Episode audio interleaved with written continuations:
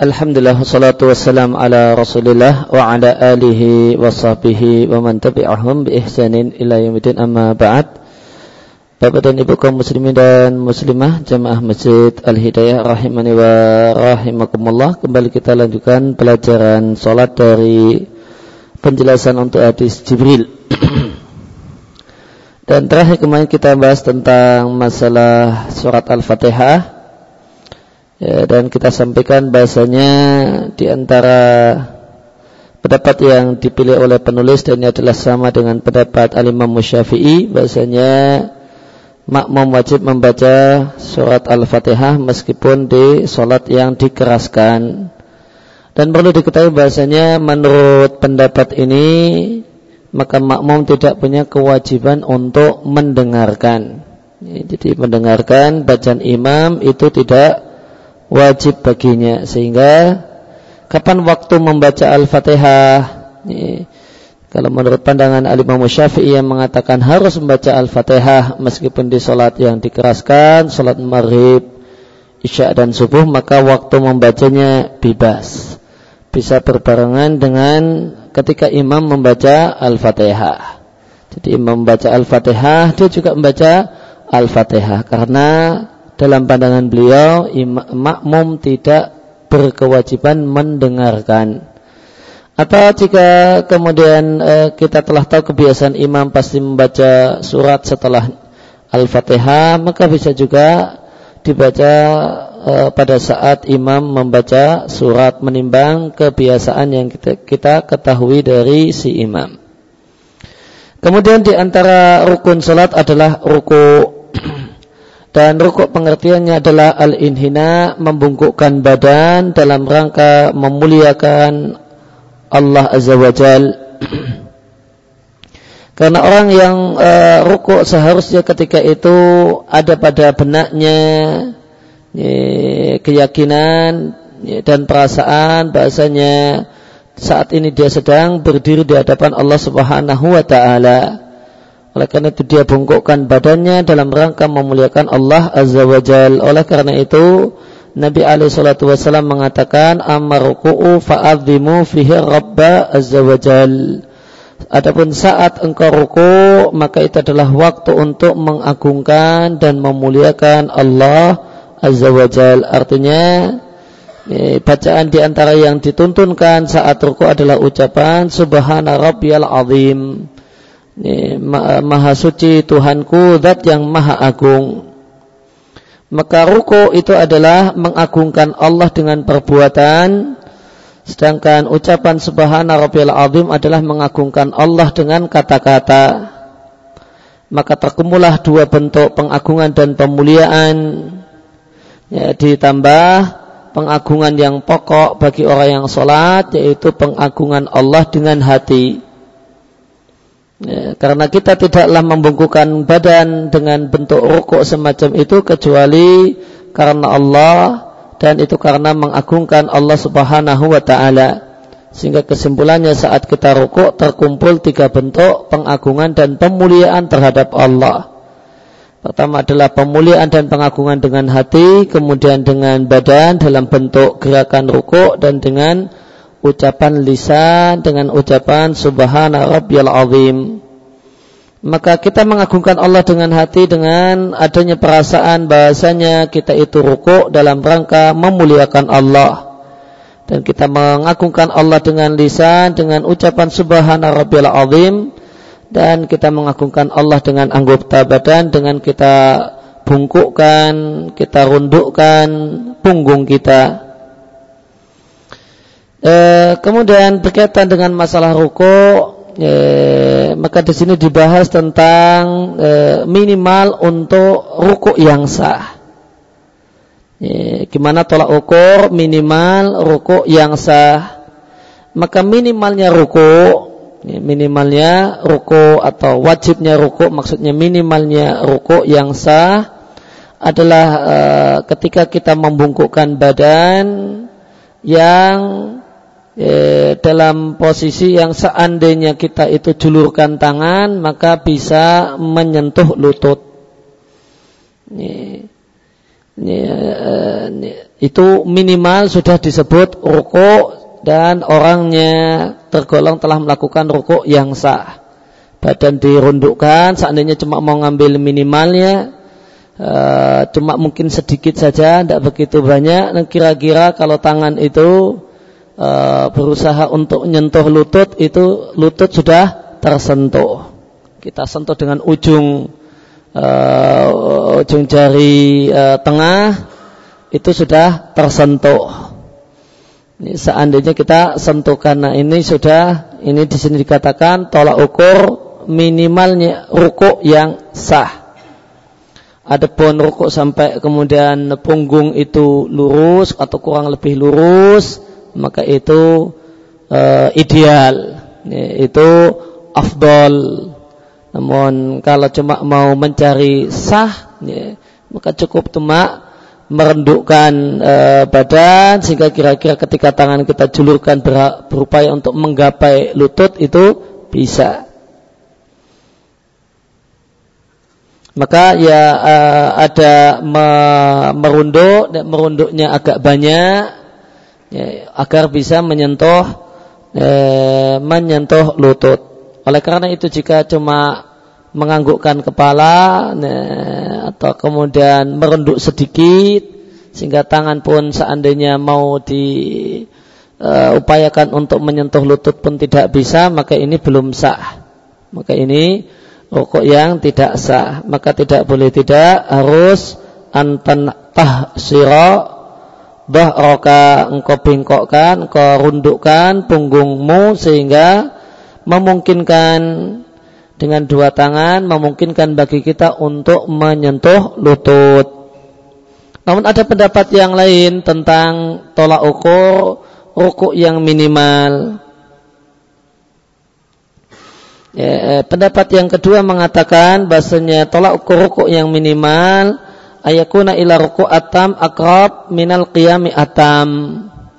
Ya, ini, ya, ketika orang tersebut ruku maka dia lebih dekat kepada bentuk ruku yang sempurna dibandingkan berdiri.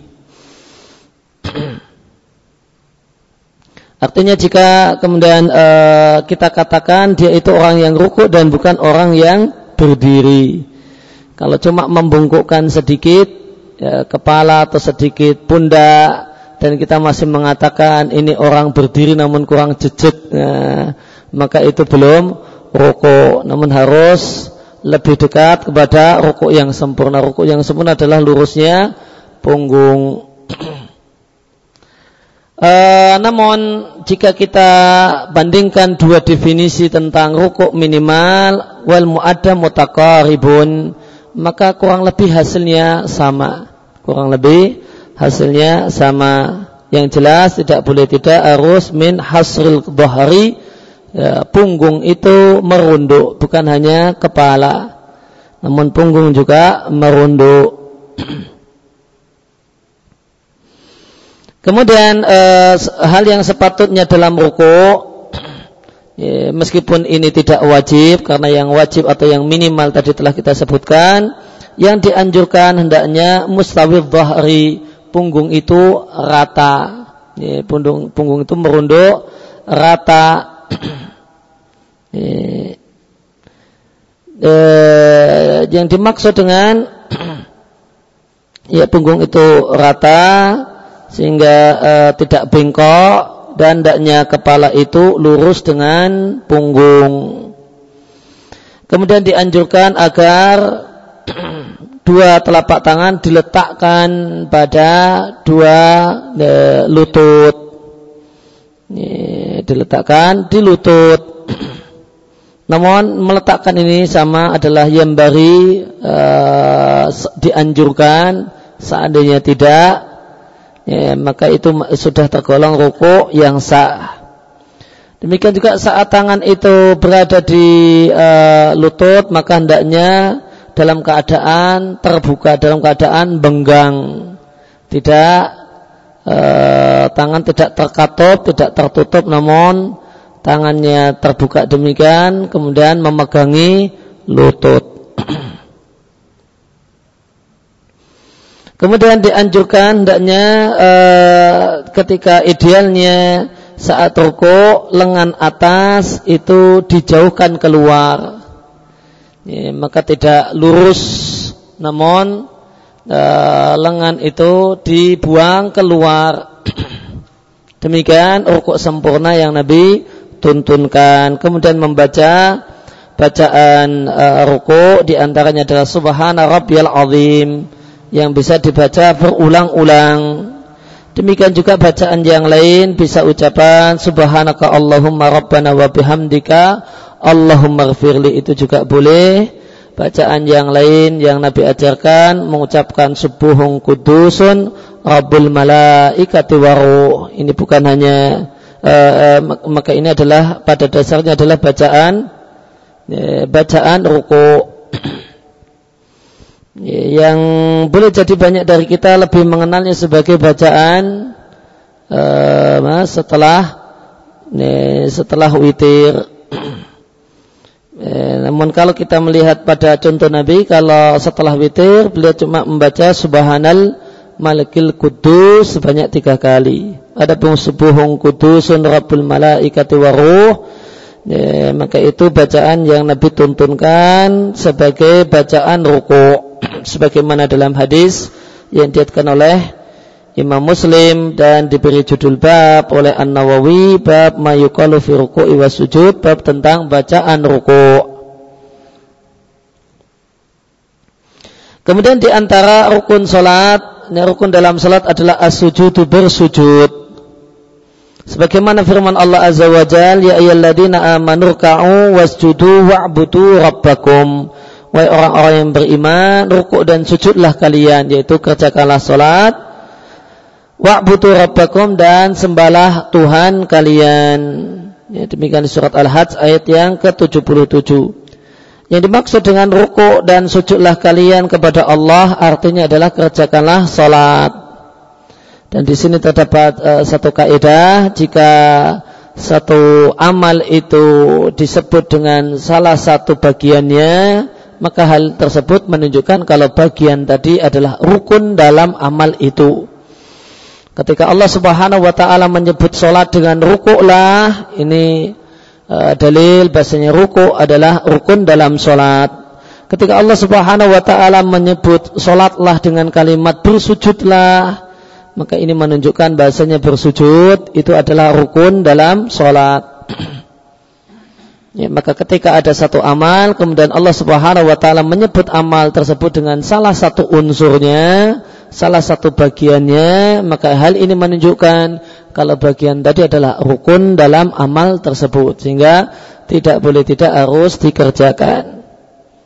Maka Allah menyebut sholatlah dengan rukuklah dan bersujudlah menunjukkan bahasanya sujud adalah rukun dalam sholat sebagaimana rukuk adalah uh, rukuk adalah rukun dalam sholat. Dan Nabi Shallallahu Alaihi Wasallam mengatakan aku diperintahkan untuk uh, bersujud dengan menggunakan dengan meletakkan tujuh tulang di lantai. Yang pertama adalah dahi sambil Nabi berisyarat dengan hidungnya menunjukkan kalau dahi dan hidung itu dinilai satu. Oleh karena itu ketika uh, sujud tidak boleh hanya meletakkan uh, dahi saja uh, sedangkan hidungnya tidak mau diletakkan karena takut tambah pesek ya. Nah, itu satu hal yang uh, tidak diperkenankan hendaknya sebagaimana dahi itu e, terletak di lantai, hidung juga menempel di lantai. Wal yadain demikian juga kemudian ditambah dua telapak tangan, kemudian dua lutut dan ujung-ujung telapak kaki. Fasujud labuta minhu dan dalam sholat kita tidak boleh tidak harus bersujud karena sujud adalah rukun dalam sholat sehingga sholat itu tidak akan terwujud kecuali dengan adanya sujud. Dan ketika sujud di antara bacaan yang dituntunkan adalah mengucapkan Subhana Rabbiyal A'la. Maha suci Tuhanku, dia adalah zat yang tinggi, zat yang ada di atas sana. Dan satu hal yang menarik berkaitan dengan hikmah, ini, ketika ruku kita dituntunkan untuk mengucapkan Subhana Rabbiyal Azim. Karena Gerakan ruku adalah hayatu ta'zim, gerakan menunjukkan penghormatan. Sedangkan ketika sujud kita di, uh, dituntunkan untuk mengucapkan subhana rabbiyal a'la. Allah kita tegaskan bahasanya Allah adalah zat yang tinggi, zat yang ada di atas sana. Karena bentuk sujud adalah gerakan di mana kita turun, di mana kita merendah. Kita turun dan merendah maka saat tersebut kita diingatkan. Lain hanya dengan Allah Subhanahu wa taala yang dia adalah zatnya ada di atas sana maka saat uh, sujud se seorang muslim itu menurunkan sesuatu yang paling tinggi di badannya itu wajah ila dia turunkan sehingga sejajar dengan ya e, anggota badan yang paling rendah yaitu telapak kaki. Maka ketika ketika kita sujud kita lihat bahasanya dahi, telapak kaki itu ya, di satu tempat. Maka pada saat semacam itu kemudian kita mengingat bahasanya Allah adalah zat yang ada di atas sana, maka itu betul-betul memahasucikan Allah. Oleh karena itu kita katakan misalnya saat sujud subhana rabbiyal a'la. Ya, Allah itu zat yang tinggi, zat yang ada di atas sana. Artinya aku, aku sucikan Rabbku karena subhana itu artinya aku sucikan Aku sucikan Rabbku dari segala kejelekan dan dia adalah al-a'la zat yang ada di atas sana. Dia adalah zat yang fauqa kulli di atas segala makhluknya. Dan dia tersucikan an kulli suflin wa nuzulin dari setiap bentuk posisi di bawah. Karena dia adalah zat di atas sana. Adapun saya, adapun kita manusia, maka aku turunkan kepalaku dan anggota badanku yang paling mulia itu wajah ya, hingga sejajar dengan tempatnya dua telapak kaki ya, dan sejajar dengan bagian yang diinjak-injak oleh telapak kaki. Kemudian kita katakan subhana rabbiyal a'la. Nah, ucapan subhana rabbiyal a'la ini bisa diulang-ulang sebanyak mungkin. E, tiga atau lebih ya, itu boleh. Hasabal hal sesuai dengan ya, kondisi dan keinginan terutama jika kita sholat sendirian. Ya, maka minimalnya subhana rabbil a'la itu sekali. Kemudian uh, ideal yang minimal ideal yang minimal itu tiga kali. Dan ideal yang tidak minimal sebanyak-banyaknya Ya, sebagaimana dijelas uh, dan uh, inilah jawaban tentang apa yang Nabi baca saat beliau sholat dan pada saat beliau sholat itu hampir-hampir semuanya sama. Rukuknya kurang lebih sama dengan berdirinya, iktidalnya kurang lebih sama dengan tidak uh, jauh beda dengan rukuknya, sujudnya kurang lebih ya hampir sama dengan iktidalnya, duduknya ya tidak terpaut jauh dari uh, dari sujudnya.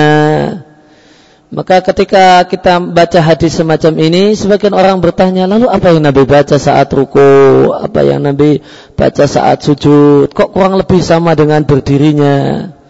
Padahal berdirinya baca Al-Fatihah dan kemudian baca surat yang panjang-panjang.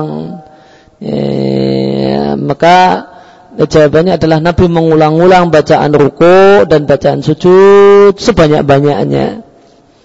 Ya, jadi tidak ya, angka tiga ketika angka tiga kali saat membaca subhana rabbil a'la ketika sujud itu bukan angka maksimal.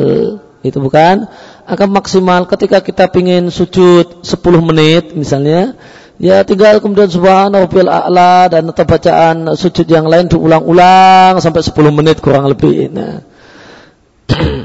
Demikian juga ketika kita ingin ruku 10 menit, ya, itu tinggal subhana rabbiyal azim diulang-ulang sampai kurang lebih 10 menit. Ya.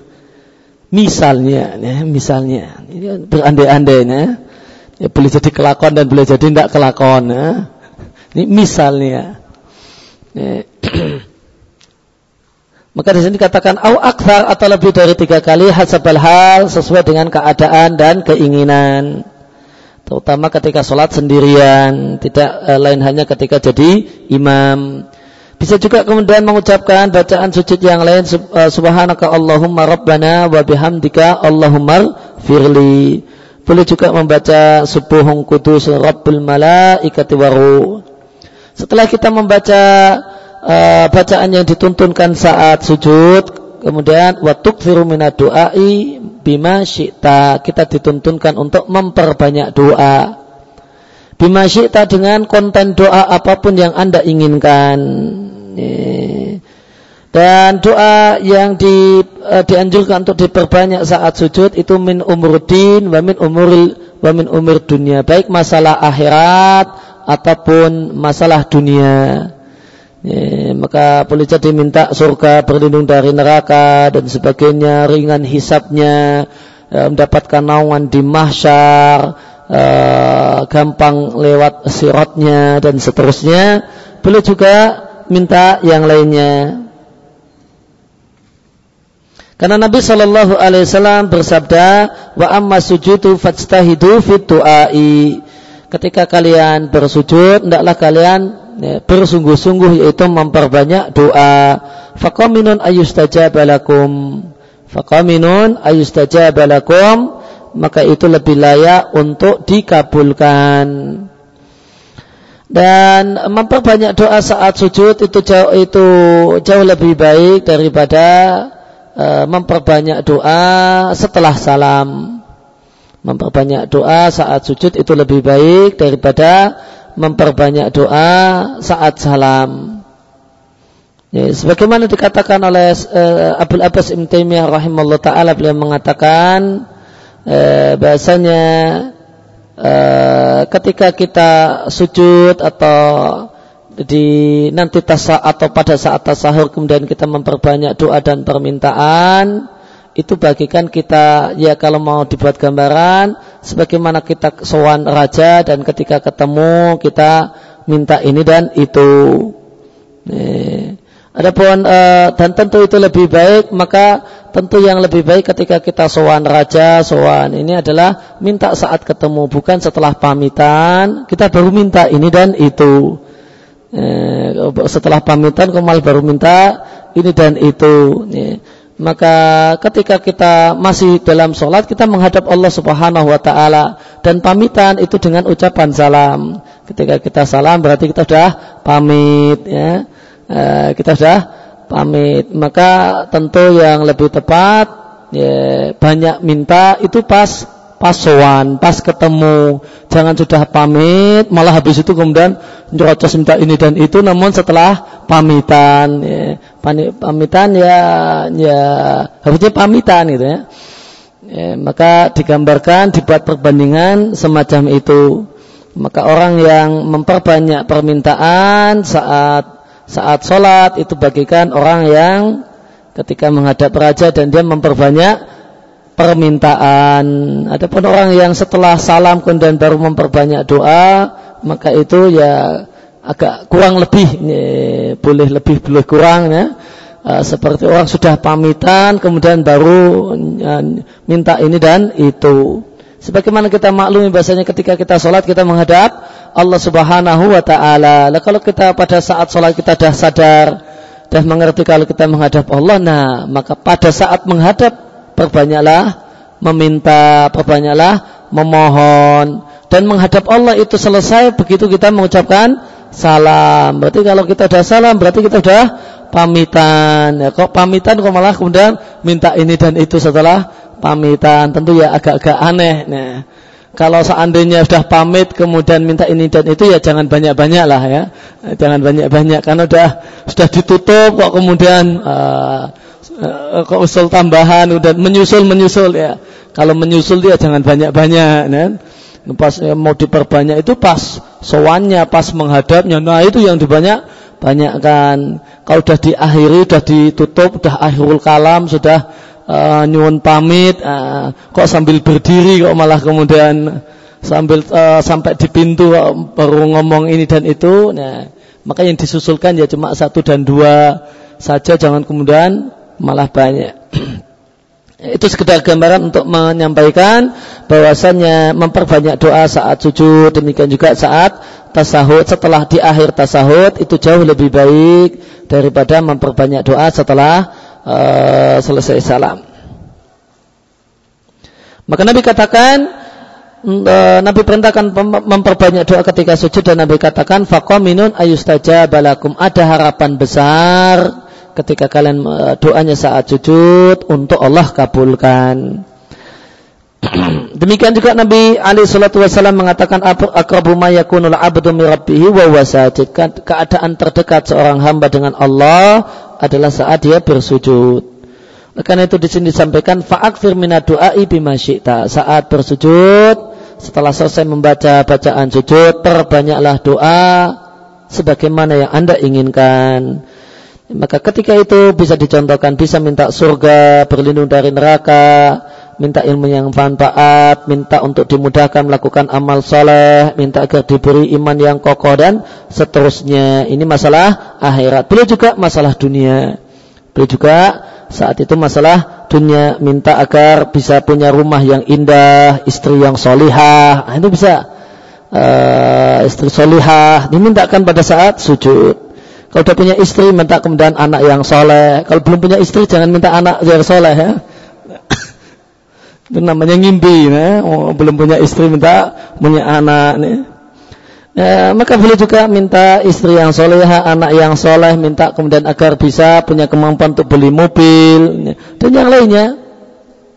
Min, min khairid uh, din wa dunia baik berkaitan dengan masalah agama, masalah akhirat ataupun masalah dunia. Karena doa itu adalah ibadah meskipun isi doa, konten doa adalah perkara dunia.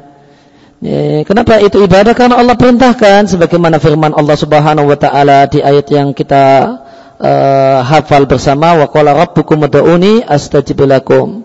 Rabbmu ya Allah Subhanahu wa taala uh, berfirman berdoalah kalian kepadaku niscaya akan aku kabulkan. Demikian juga Allah berfirman jika hamba-hambaku bertanya kepadamu wahai Muhammad tentang diriku katakanlah aku itu dekat. Uji budak wa tadai idza ta'ani aku akan mengabulkan doa orang yang mau berdoa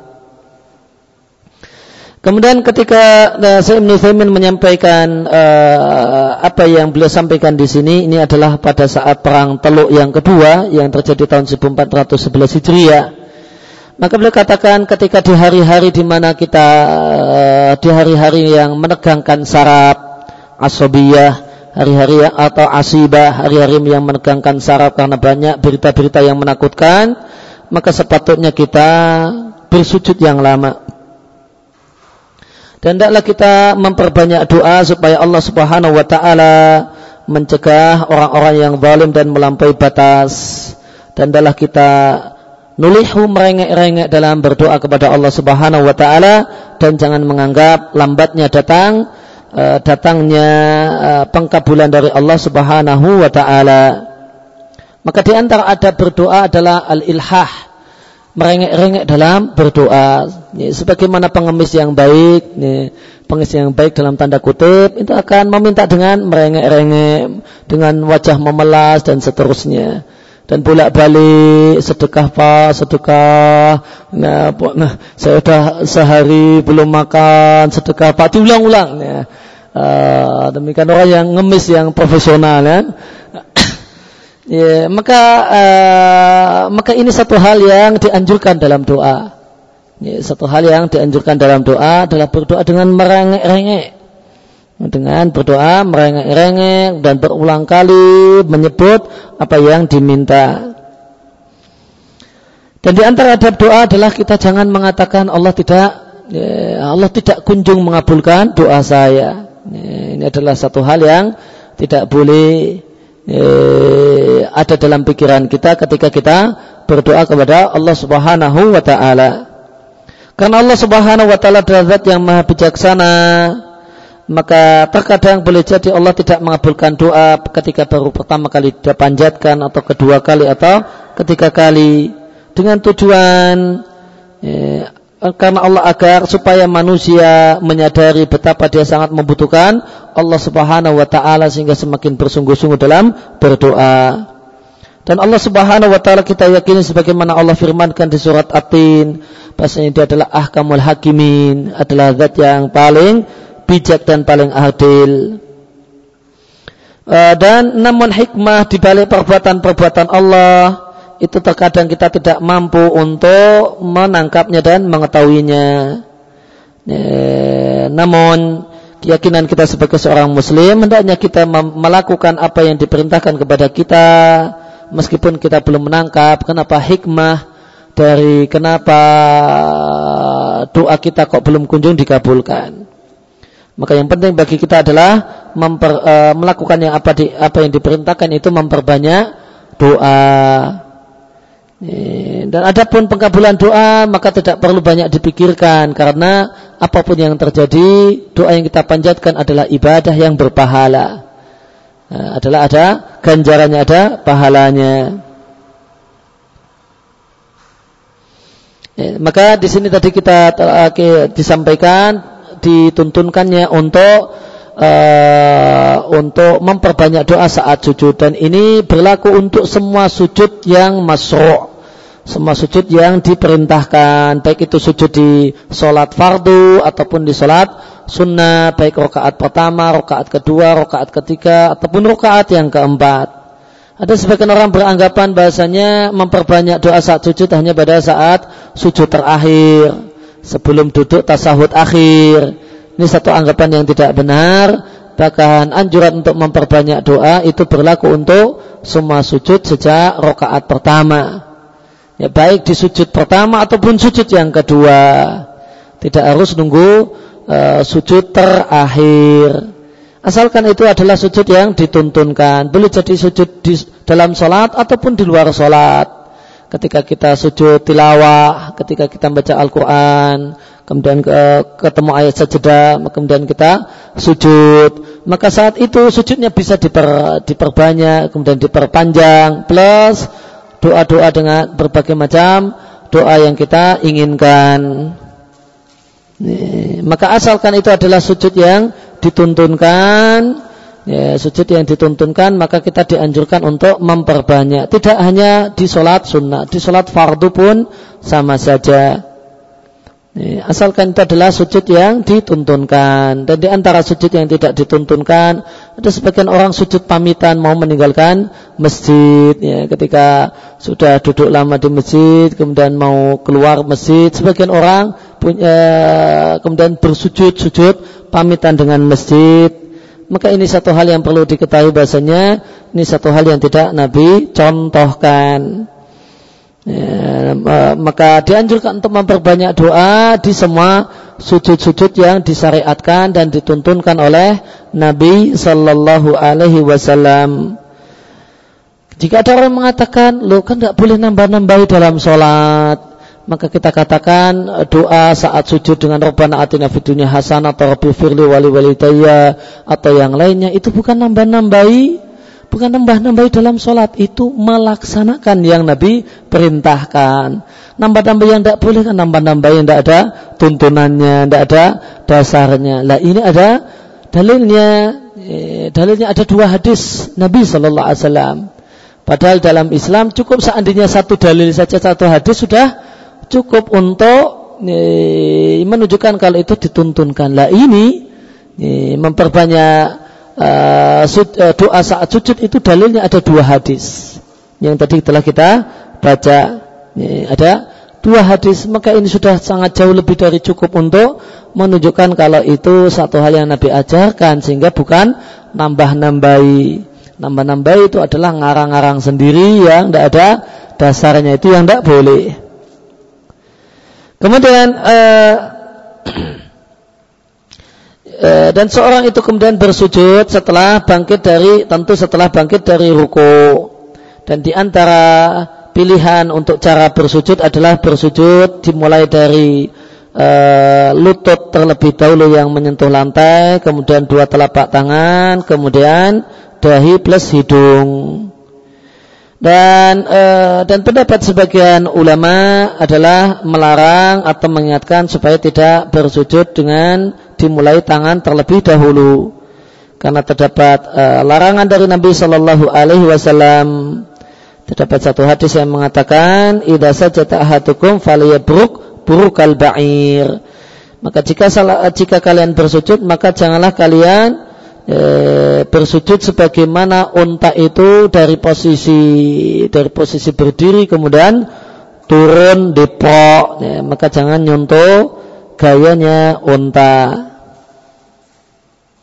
Waburkul ba'ir dan depoknya unta, turunnya unta itu dimulai dari uh, yakuno alal yadaini awalan dimulai dari kaki depannya terlebih dahulu sebagaimana bisa disaksikan dan setiap orang yang pernah nonton unta menderum atau jawanya depok maka ketika dia mau duduk maka akan dijumpai bahasanya dia akan mendahulukan kaki depannya. Oleh karena itu maka di sini penulis mengatakan janganlah kalian janganlah anda mendahulukan tangan namun dahulukanlah lutut. Dan Rasul alaihi salatu wasalam melarang hal tersebut. Li'anna tasabbuh bani Adam karena tindakan manusia menyembelih hewan terutama ketika sholat adalah perkara yang tidak dianjurkan.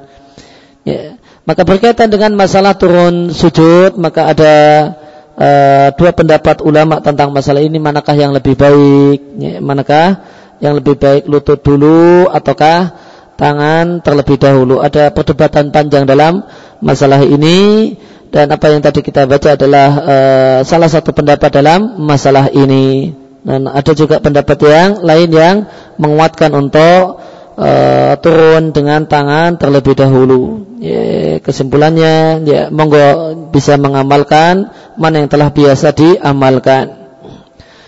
Namun berkaitan dengan uh, tadi kemudian di kalimat yang terakhir beliau sampaikan menyerupai hewan itu satu hal yang ya, tidak dianjurkan, satu hal yang tercela Ya, karena tidaklah Allah Subhanahu wa taala menyerupakan manusia dengan hewan kecuali dalam konteks celaan. Misalnya bisa kita simak firman Allah Subhanahu wa taala di surat Al-A'raf, "Watul alaihim naba alladziina atainahu ayatina" dan bacakanlah kepada mereka cerita orang-orang yang telah kami berikan kepada mereka ilmu berupa ayat-ayat kami yaitu cerita tentang ulama su' orang yang mengerti uh, mengerti hukum agama namun melanggarnya kemudian menjual fatwanya dengan harta dunia. Fangsalah minha kemudian dia terkelupas keluar dari ajaran agama. Fattaba'ahu syaitan lalu dia diikuti setan. Fakana minal ghawin maka dia termasuk orang yang sesat Walau syi'na seandainya kami berkehendak larafa'nahu biha niscaya akan kami muliakan dia dengan sebab ayat-ayat kami dengan sebab kitab suci yang Allah turunkan. Walakinnahu akhlada ilal ard namun dia lebih cenderung kepada dunia. Wattaba'a hawahu dan mengikuti hawa nafsunya. Maka Allah ceritakan uh, ulama-ulama Yahudi dan semisal itu uh, setiap orang yang berilmu yang sejenis dengannya Allah ceritakan adanya orang-orang yang berilmu, orang-orang yang alim, orang-orang yang mengerti kitab suci, ya, namun tidak Allah muliakan dengan sebab ya, mengerti Al-Quran, dengan sebab mengerti kitab suci, ya, namun tidak jadi manusia yang mulia, namun jadi manusia yang hina. Sebabnya kenapa? Pertama karena Allah katakan dia lebih cenderung pada dunia, dia lebih minat pada dunia daripada akhirat, dan ulama tersebut adalah orang yang hobinya mengikuti seleranya dan hawa nafsunya. Maka ulama yang rusak yang menjual uh, perkataannya dengan dunia ya, dia tidak mau mengatakan menyampaikan kebenaran karena khawatir kehilangan pengikut, khawatir kehilangan pendapatan karena ini tidak sesuai dengan keinginan publik. Ya. Ya, maka Orang yang berilmu yang semacam ini Allah katakan famathaluhu kamasalil qalb. Maka kalau mau dibuat perumpamaan dia itu seperti anjing. Maka ada ulama yang Allah katakan dalam Al-Qur'an itu contohnya itu ya, contohnya adalah semisal anjing. Gimana anjing itu intahmil alaihi yalhath.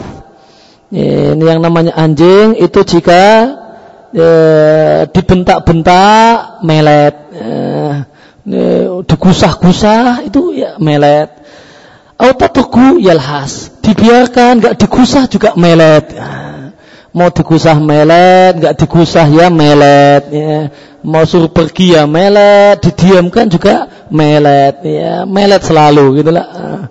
Maka demikian uh, demikian itu orang yang sudah ngerti agama, sudah ngerti kitab suci, sudah ngerti ajaran Allah dan Rasulnya, non karena takut kehilangan masa, karena takut kehilangan pendapatan, maka dia simpen-simpen, ya, dia nggak berani terus terang. Kenapa? Karena ini berkaitan dengan urusan dapur, urusan uh, ya belakang yang perlu ngepul dan seterusnya. Maka Eh, maka kemudian diingatkan dia tetap begitu. Enggak diingatkan ketika kita sampaikan, bukankah Anda tahu uh, kitabnya juga ada di rumahnya, ya, ini semacam ini, tidak dituntunkan, kenapa masih Anda lestarikan? Itu mau kemudian disodori kitab, disodori buku, bukunya bahkan dia punya sendiri, mau dibiarkan sama saja. Ya, bakalan berubah. Kenapa? Karena dia uh, tidak mengamalkan kebenaran dalam keadaan dia tahu mana yang benar. Ya. Orang yang diingatkan kemudian sadar itu yang melakukan kesalahan karena belum tahu. Itu kalau diingatkan sadar. Nah, kalau itu orang sudah tahu kemudian nekat melanggar apa yang telah dia ketahui secara umum, ya, ilaman rahimallah tentunya, kecuali manusia-manusia yang istimewa, uh, yang Allah berikan nikmat berupa hidayah dan uh, ampunannya, itu secara umum orang yang sudah tahu kalau ini tidak benar, kemudian masih kemudian diterjang, dalam keadaan dia tahu dalil ya, maka dia secara umum dia tidak akan e, nasihat tidak bermanfaat untuknya. Nasihat itu tidak berguna untuknya. Karena dia bahkan boleh jadi malah dia dalili. Nah dia akan berdalil Oh ini begini dan begini. Kalau orang itu misalnya pacaran karena tidak tahu hukum pacaran itu diingatkan gampang. Dan kalau orang sudah tahu pacaran itu haram kemudian nekat pacaran itu malah berdalil ketika diingatkan. Wah, oh, lita arafu. Dia malah keluar ayatnya macam-macam. Nah, iya. malah keluar ayatnya. Kenapa? Karena dia ngerti sebenarnya itu salah gitu. Namun karena dia nekat, ya maka yang terjadi dia akan uh, keluar dalil ini dan itu dan seterusnya. Maka Allah uh, serupakan ulama yang bejat, ulama yang rusak. Allah serupakan dalam ayat ini di surat Al-A'raf 175 176. Allah serupakan dengan anjing. Ya, dinasihati itu sama saja tidak akan mempan, tidak akan bergeming sebagaimana anjing mau dibentak ya melet, dibiarkan juga melet. Kemudian Allah Subhanahu wa taala katakan uh, tentang uh, masalah humilu Taurat, permisalan orang-orang yang telah diajari Taurat, telah diajari kitab suci, malam yahmiluha kemudian tidak mengamalkannya. Itu kama salil himar seperti keledai. Yahmilu asfara yang membawa tumpuan buku. Bisa matul ladina kadzabu bi ayatillah. Ini, ini adalah sejelek permisalan orang yang mendustakan ayat-ayat Allah. Demikian di surat Al-Jum'ah ayat yang kelima. Maka orang yang Allah katakan e, bahasanya orang yang sudah tahu namun tidak mengamalkan ilmunya ya, dia sudah membaca buku namun tidak mengamalkan isi buku yang dia baca. Maka itu seperti keledai disuruh membawa e, muatan buku. Maka meskipun dia membawa buku ke mana-mana dia tidak faham isi bukunya itu apa. Sehingga ya dia tidak mengamalkannya. Maka demikian orang yang telah membaca uh, membaca buku, telah membaca Al-Quran, telah membaca hadis Nabi, telah mempelajarinya, namun tidak tidak ada perubahan amal. Sebelum ngaji dengan setelah ngaji sama saja atau tidak ada bedanya. Maka itu bagikan keledai yang tidak uh, tidak uh, tidak mengerti apa yang dia bawa sehingga dia tidak mengamalkannya. Maka di dua ayat ini Allah menyerupakan manusia dengan binatang itu konotasinya negatif. Maka di awal tadi telah disimpulkan kaidah bahasanya tidaklah Allah Subhanahu wa taala menyerupakan manusia dengan binatang kecuali konotasinya negatif. Oleh karena itu, ya, dari sini sebagian menyimpulkan kita dilarang untuk menyerupai hewan dengan kemudian e, bersuara seperti suara hewan atau semacam itu karena menyerupai hewan satu hal yang tercela dalam Al-Qur'an demikian juga dalam banyak hadis-hadis Nabi Shallallahu Alaihi Wasallam. Demikian yang kita baca kesempatan uh, malam hari ini. Ala nabiyina Muhammadin wa ala alihi. Wa Allahumma wa bihamdika ilaha illa anta astaghfiruka wa atubu.